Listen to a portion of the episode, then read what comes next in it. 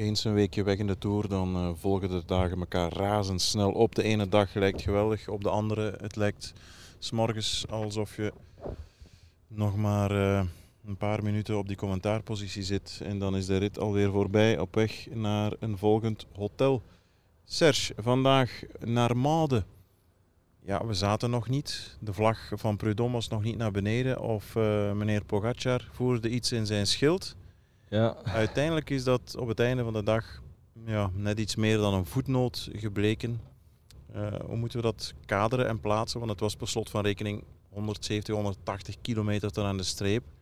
Was het gewoon om te zeggen, kijk, ik ben nog niet klaar met je, ik zal blijven proberen. Wees wakker, want ze waren niet wakker van Jumbo. Ja, ik denk dat het dat is. Het was echt een impulsieve, instinctieve aanval van Pogacar. Pas op, het is een van Pogacar zijn sterktes, hè, dat hij met zijn instinctkoers uh, vorig jaar op Col de Rom ging hij al uh, van ver aan om uh, dan te winnen. Niet, niet, wachten tot de Col de la Colombière. Het is iemand die heel goed zijn benen voelt en die ook heel goed de koers aanvoelt. En ja, heeft op 180 kilometer van de meet heeft hij ineens gevoeld of gezien dat de Jumbo-Visma-mannen er uh, ja, collectief aan het doorzakken waren. Hele snelle start, op en af uh, van die glooiende wegen. Iedereen, uh, of heel veel renners die in ontsnapping wilden gaan. waardoor dat peloton op één lang lint was. En hij zag ineens dat Vingegaard niet voorin zat. Is dan gaan aanvallen. Ja, zou je kunnen zeggen, is dat dom, dus het is nog zo ver. Ik denk dat hij in elk geval Vingegaard wel zenuwachtig heeft gemaakt vandaag, heel de dag. Uiteindelijk hebben we dan wel het klassieke of het verwachte verloop gekregen. Hè. Een grote ontsnapping met sterke renners, maar dan vooral niet klassementsmannen op, op Louis Meintjes na. En zelfs in eh, het begin bij die situatie blijkt de waarde van Wout van Aert alweer van onschatbare waarde.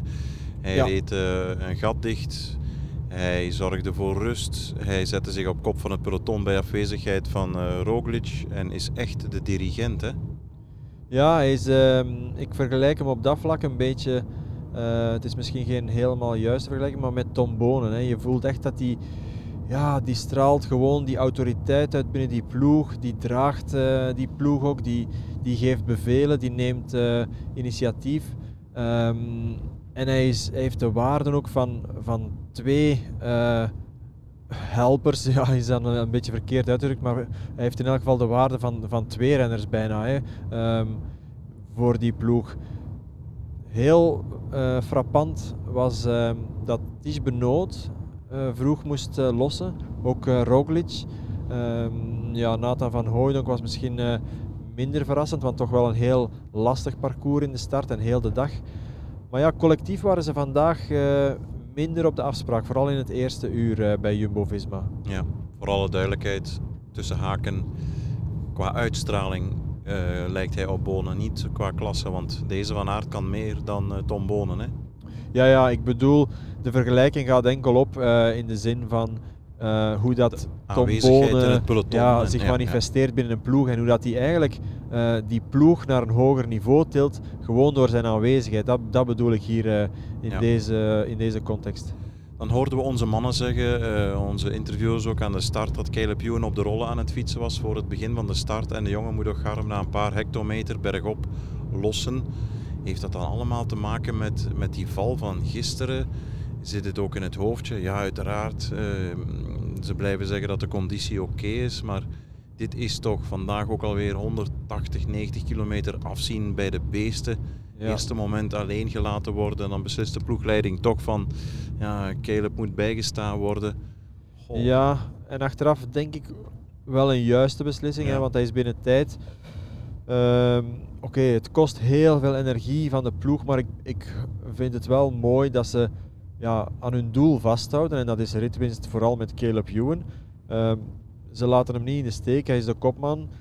En je, met sprinter weet je natuurlijk nooit, hè, want als hij straks op de Champs-Élysées wint bijvoorbeeld, ja, dan krijgen ze toch wel gelijk en is eigenlijk heel die Tour uh, gered. Dus ja, dat is natuurlijk hun, enige echte hoop, denk ik nog. Alhoewel, dat we wel eerlijk moeten zeggen dat ja, Andreas Kroon vandaag uh, ook wel een goede kans had gemaakt op de rit als hij niet had uh, lek gereden in de finale bij die vier. Nadien krijgen we dan, ja, mogen we dat zeggen, ik denk het wel, hè, een, een uh, voorspelde etappe waarin een op dit parcours voor de hand liggende groep wegrijdt met heel schoon volk tussen. 23 man, geen Belg, allemaal heel veel jongens die uh, gepokt en gemazeld zijn in het grote rondewerk. Uiteindelijk wint dan Michael Matthews. En dat had ik hem eh, niet verwacht op deze steile aankomst. In die zin, oké, hij kan klimmen, anders win je geen ritten in Catalonië, noem maar op, Baskeland, dat soort dingen. Maar dit was toch uh, pokkenstijl, hoe hij dan eerst wegrijdt van de rest. Dan Bettiol ook nog eens afhoudt, alhoewel dat ook geen pure klimmer is. Sterk nummer. Ja, en vooral, hij was de eerste uit die ruime kopgroep die uh, ja, solo ging. Hè. Hij ging uh, op uh, ongeveer 50 kilometer van de meter was het. Voilà. Ging hij al helemaal alleen, wilde eigenlijk anticiperen. En zijn plan is eigenlijk volledig uitgekomen. Het, het, klopte volledig. Er kwamen een aantal renners naar hem toe, een drietal. Uh, Groschartner, Luis Leon Sanchez en Andreas Kroon. Die vier hebben goed rondgedraaid en het is wel heel typisch voor dit soort ontsnappingen in de Tour de laatste jaren dat het soms een goede tactiek is om uh, van ver te gaan. Hè. Heel veel renners beginnen dan naar elkaar te kijken in, in zo'n ontsnapping. Uh, ja, de organisatie bij die achtervolgers loopt stroef. En zo kan zo'n uh, ja, kleinere kopgroep, uh, als die aan elkaar committed blijven, als die blijven ronddraaien, ja, dan kunnen die veel, veel meer kans maken om, om het onderren uit te vechten dan wanneer dat ze ja, gewoon wachten en, en andere renners laten wegrijden. Ja, het was ook niet jouw pick of the day, zeg maar. Hè? Een, nee, we een, een beetje de contextkader van een Matthews die ja, weggegaan is twee jaar geleden bij Sunweb. Uh, de laatste jaren toch minder uitslagen aan het fietsen is. En dan dacht iedereen, ook dit voorjaar bij ons nog eens een paar keer de vraag gesteld van ja, hoe komt het dat die resultaten wat minder zijn? Dan blijft dat gissen. In die Australische omgeving toch iets meer laid back. Zou hij daar ja, goed geld verdienen en het hoeft niet meer zo. Maar dan slaat hij op zo'n manier terug. Ja, het is, uh, het is natuurlijk een heel sterk renner. Hè. Het was een groot talent hè, toen hij overkwam hè, van uh, ja, de opleidingsploeg van Rabobank, denk ik in het begin. En ja, meteen ja. Uh, ja, goede uitslagen, meteen overwinningen, ook in Tour Down Under. Het is wel iemand die altijd op niveau is gebleven. Oké, okay, je zegt het wel en het klopt ook wel voor een stuk. Hij was misschien in het voorjaar en de laatste jaren ietsje minder. Maar eigenlijk mag het ook geen verrassing zijn. En het, nummer dat hij vandaag opvoerde, ja, is ook niet echt een verrassing. Hè. Als hij zo zijn dag heeft, ja, dan kan hij dit wel. Um, het was heel, heel sterk. Want uh, ik zeg het, hij heeft echt die laatste 50 kilometer de koers volledig naar zijn hand gezet. Het was volledig, ja, het was helemaal zijn uh, verdiensten om hier te winnen. Het was geen toeval. Uh, heeft, ja, heeft deze overwinning zeker niet gestolen. Wie vanuit die kopgroep is je tegengevallen of had je meer van verwacht? En wie heeft je absoluut verrast?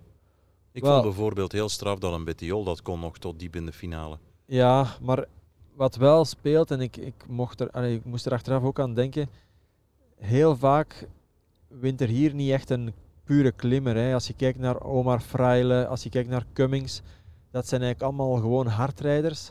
Um, Bettiol is dat ook. Stuk gaan, zo. Ja, en, uh, en uh, als je dan gaat kijken naar ja, de typische klimmers die hier mee waren, hè, mijntjes of zo, um, ja, die hebben het wel goed gedaan, maar dat ging toch te moeilijk zijn om te winnen. En ja, wie er eigenlijk vooral heeft, is tegengevallen is Molle, maar ik had hem uh, getipt. Mm -hmm. Ook omdat, omdat ik wel geloofde in die aanval van Ver en omdat dat een beetje zijn recept is geweest in de voorbije twee ritten die hij in de Tour heeft gewonnen. Hè, vorig jaar en ook in, uh, wanneer was het? In 2017 naar Le Puy-en-Velay. Ook altijd van ver en dan ja, een beetje zoals Matthews vandaag gedaan heeft. Maar ik denk dat Mollema ja, toch nog niet echt de benen heeft. En uh, ja, dat was duidelijk. En dan betaal je gewoon hier uh, de rekening. De aanval van Pogacar komt er dan op de beklimming van Mande tot twee keer toe. Blijft dan gewoon tempo maken met Vinegaard in zijn wiel kan je een paar vragen over stellen. Eén, ten eerste, hij krijgt de Deen niet uit zijn wiel. Ten tweede, leg dat dus uit als ex-prof, waarom blijft hij dan op kop rijden als dat die eerste demarrage geen effect resorteert? Moet hij dan zelf niet terug in het wiel kruipen? Nee, uh, op een klim zoals de deze was dat eigenlijk wel een goede strategie, omdat uh, ja, de hellingsgraad was eigenlijk bijna constant boven de 10%. Wat betekent dat je ja, bijna geen effect hebt van drafting, hè, van in het wiel te zitten van je voorganger. Dus ja, het was wel verstandig van Pogacar om een versmachtend tempo te blijven rijden.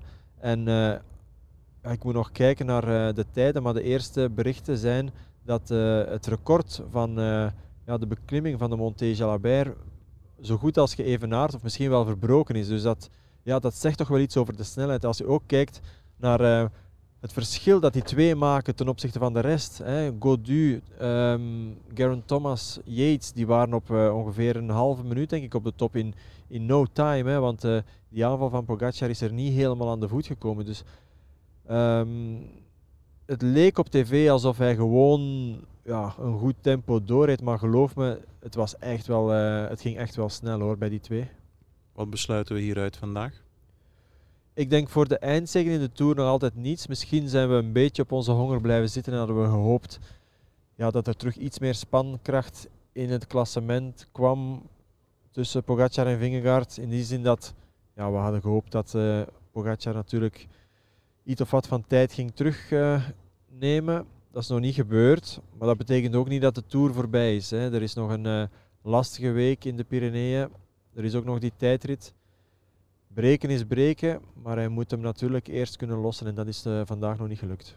Vandaag, als ik het goed gezien heb, opnieuw een gemiddelde snelheid van 45 per uur. Op het einde van uh, twee weken tour, warm, op een parcours met geen meter vlak.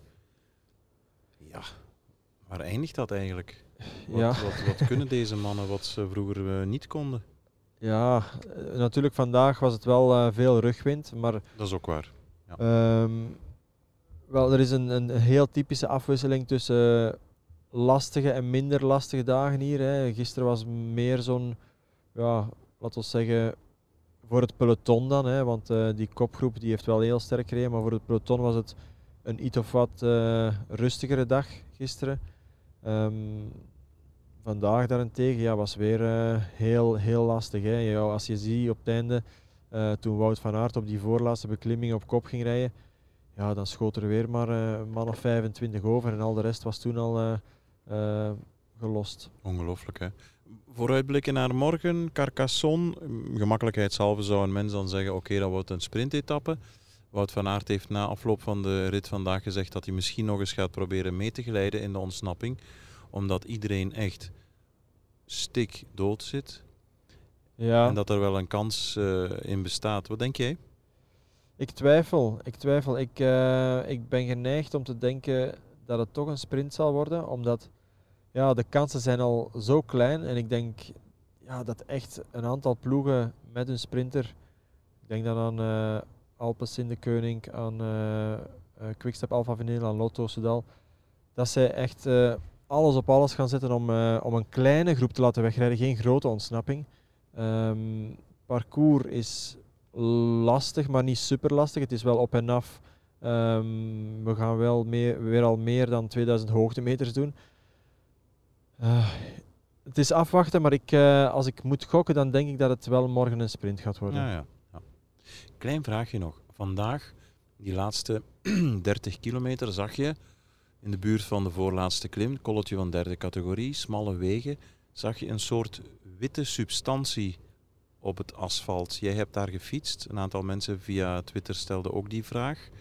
Wat was dat? Was dat uh, een soort van, is jou dat opgevallen? Een soort van poeder om, om het smeltend asfalt tegen te gaan? Of? Dat uh, heb ik eigenlijk niet opgemerkt. Nee. Um, ik heb alleen die, die gele strook op, uh, ja, op de Monté Jalabert ja. zelf gezien, maar dat is me eerlijk gezegd niet opgevallen in de kilometers vooraf. Nee, no worries. Tot slot, de pluim van de dag vandaag steek jij op de hoed van?